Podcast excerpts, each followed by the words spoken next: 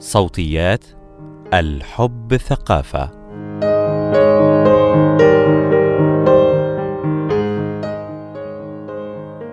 مع التقدم في العمر تتغير المشاعر والرغبات كما الأجساد. فمن المهم بذل مجهود لتوصيل أفكارك ومخاوفك ورغباتك إلى الشريك أو الشريكة. الآباء والأمهات أيضا يستحقون حياة جنسية سعيدة. مقال لأمنية سويدان. كوبايتين شاي بالنعناع وقاعدة في البلكونة وأغنية لأم كلثوم على الراديو. مشهد اعتدنا رؤيته منذ الطفولة. فجميعنا لدينا ذكريات مع ذلك الجار الودود الذي يقف في شرفة منزله يتابع بشغف ذهابنا إلى المدرسة صباحا. يسقي الزرع ثم يعد الإفطار ويجلس مع زوجته يتحدثان ويستعيدان ذكريات شبابهما. وإحنا عايزين إيه من الدنيا غير الونس يا ست صفية؟ جملة وردت في أحد الأفلام المصرية على لسان الفنان محمود حميدة الذي جسد دور أستاذ محمود.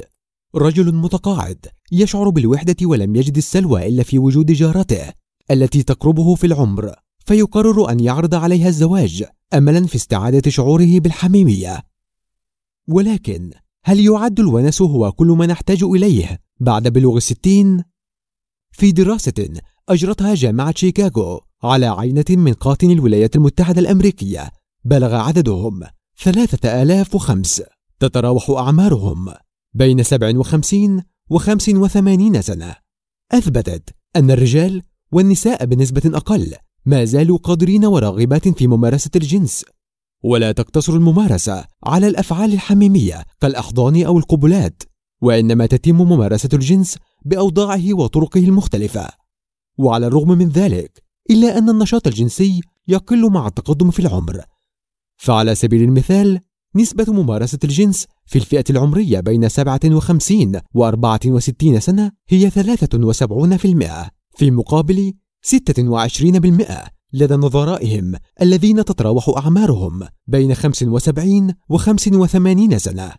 والدراسة السابقة ليست الوحيدة التي تشير إلى واقع أن الكثير من الرجال والنساء يميلون إلى ممارسة الجنس في هذه المرحلة العمرية. ولكن لماذا يعيش الكثير من الناس حالة الإنكار بشأن وجود رغبة جنسية؟ يا راجل عيب إحنا كبرنا على الحاجات دي. جملة سمعناها كثيرا لدرجة أنها أصبحت جزءا من الوعي الجمعي لدى البشر بشكل عام وفي مجتمعاتنا الشرقية بشكل خاص إذ تشعر بعض النساء فور انقطاع الطمث أن ممارسة الجنس أصبحت بلا جدوى. كما يشعر بعض الرجال أنهم فقدوا الرغبة تجاه شركاتهم. ارتباط الجنس بالقدرة على التناسل ليس أمرا مستحدثا بل يعد أحد المفاهيم المتأصلة منذ القدم. فمع اكتشاف الزراعة كانت هناك حاجة إلى إنجاب عدد أكبر من الأطفال لزراعة الأرض وحماية الثروة. ومن ثم لم يعد الاستمتاع أو الفضول هو الهدف من التجربة الجنسية وإنما يمارس الجنس للحفاظ على النسل. لذلك يعاني الكثير من الرجال من التنمر حتى من قبل زوجاتهم إذا أرادوا التعبير عن رغبتهم الطبيعية في ممارسة الجنس. ماما عايزة تتجوز تاني وهي عندها 60 سنة. دائما أتوقف عند هذه الجملة التي غالبا ما ترد على لسان فتى أو فتاة على مشارف الثلاثينات حيث يتم إرسال السؤال باسم مستعار ودون هوية لاستشعار الحرج. فنموذج الأم كما ترسخ في عقولنا ووصفه عالم النفس كارل يونغ أنه يضم عدة أنماط أهمها الأم الراعية والأم الحكيمة. لكنه لا يحوي بأي شكل نموذج الأم التي لها حق في حياة منفصلة عن أبنائها. دون أن ينتقص ذلك من دورها كمقدمة رعاية. وهذا السياق يحتم على الأبناء رفض أي تخيل آخر عن أمهاتهم مما يؤثر على الصورة الذاتية للأم فتتماهى مع رغبات أبنائها وتنأى بنفسها عن أي مشاعر تجعلها عرضة للوصم.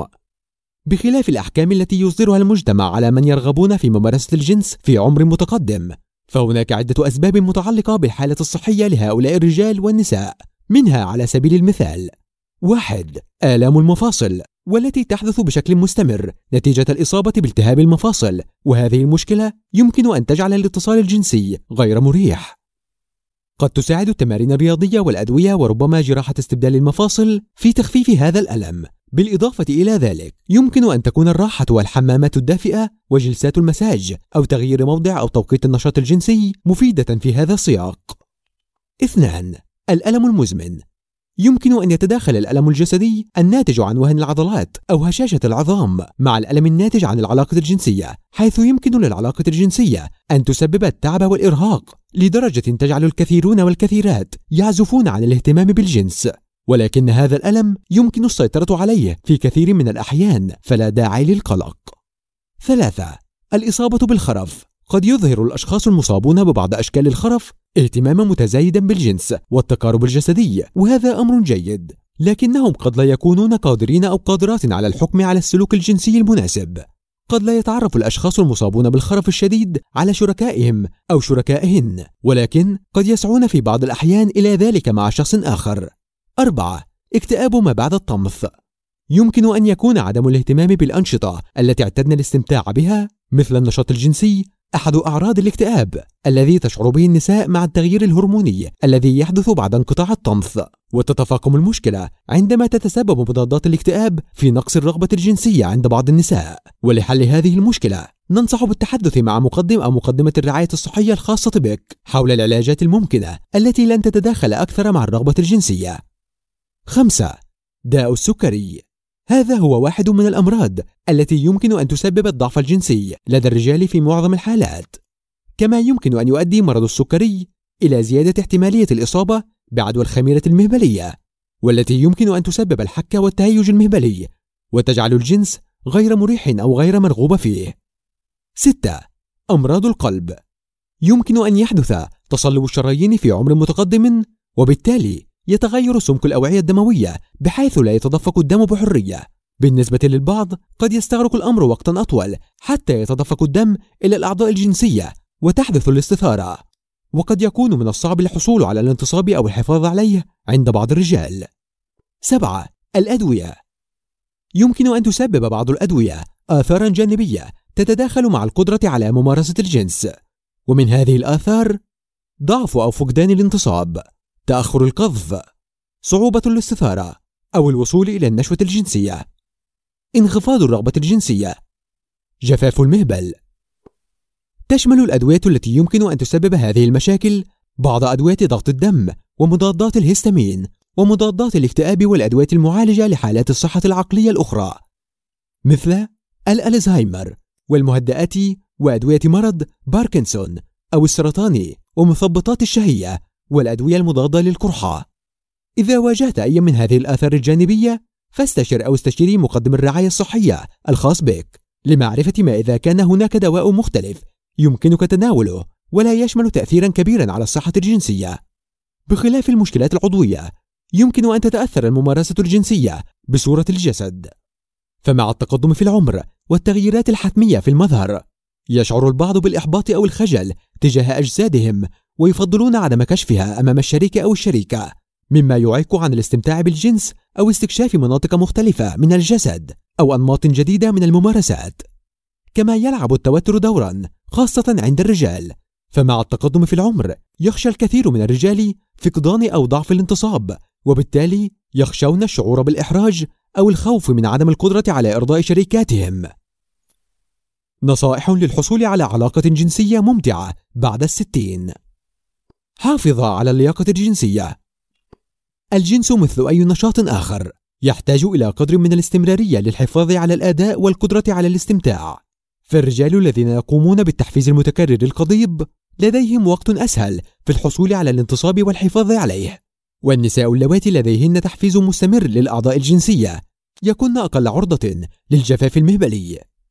لمساعدتك على البقاء لائقا جنسيا قد يفيد الاستمناء أو منح نفسك المتعة. الاستمناء هو جزء طبيعي من حياة جنسية صحية. استكشف ممارسات أخرى. الحياة الجنسية الجيدة تنطوي على أكثر من مجرد العلاج المهبلي، فقد يكون التقدم في العمر دافعا للتخلص من الضغوط المجتمعية المتعلقة بالنمط الشائع للجنس. يمكنكما توسيع فكرتكما عن الجنس لتشمل ممارسات أخرى كالجنس الفموي أو الشرجي أو تجارب مثيرة يمكنكما خوضها معا كلعب الأدوار role play أو استكشاف الفتشات الجنسية. عليكما أن تدركا أن عدم وجود هدف تناسلي للممارسة يخلق حافزا لاستكشاف مناطق أخرى مثيرة بخلاف الأعضاء الجنسية ذاتها. لا تقصر المتعة على النشوة الجنسية. حتى إن وجدتما صعوبة في القذف أو الوصول للنشوة أو أداء بعض الأوضاع لوجود تحديات جسدية فيمكنكم الاستمتاع بتجربة الحميمية واللمس. هذه هي الأنشطة التي يمكن لأي شخص الاستفادة منها حتى لو كنت مريضا أو كان لديك إعاقات جسدية استرخيا وأطلق العنان لخيالاتكما واستمتع بتجربة اللمس الحسي فكثير من الناس يحصلون على إشباع هائل من مشاركة التخيلات الجنسية وقراءة قصص الإثارة الجنسية والمداعبة باستخدام ألعاب جنسية أو أدوات منزلية. اعمل على تحسين التواصل. مع التقدم في العمر تتغير المشاعر والرغبات كما الأجساد، فمن المهم بذل مجهود لتوصيل أفكارك ومخاوفك ورغباتك إلى الشريك. يفترض الناس أحيانا أن شركائهم يعرفون ما يحلو لهم في غرفة النوم، لكن هذا ليس صحيحا على الإطلاق. ففي أي مرحلة عمرية يلعب التواصل بصراحة وثقة الدور الأكبر للحصول على تجربة جنسية ممتعة. ماذا عن الأبناء؟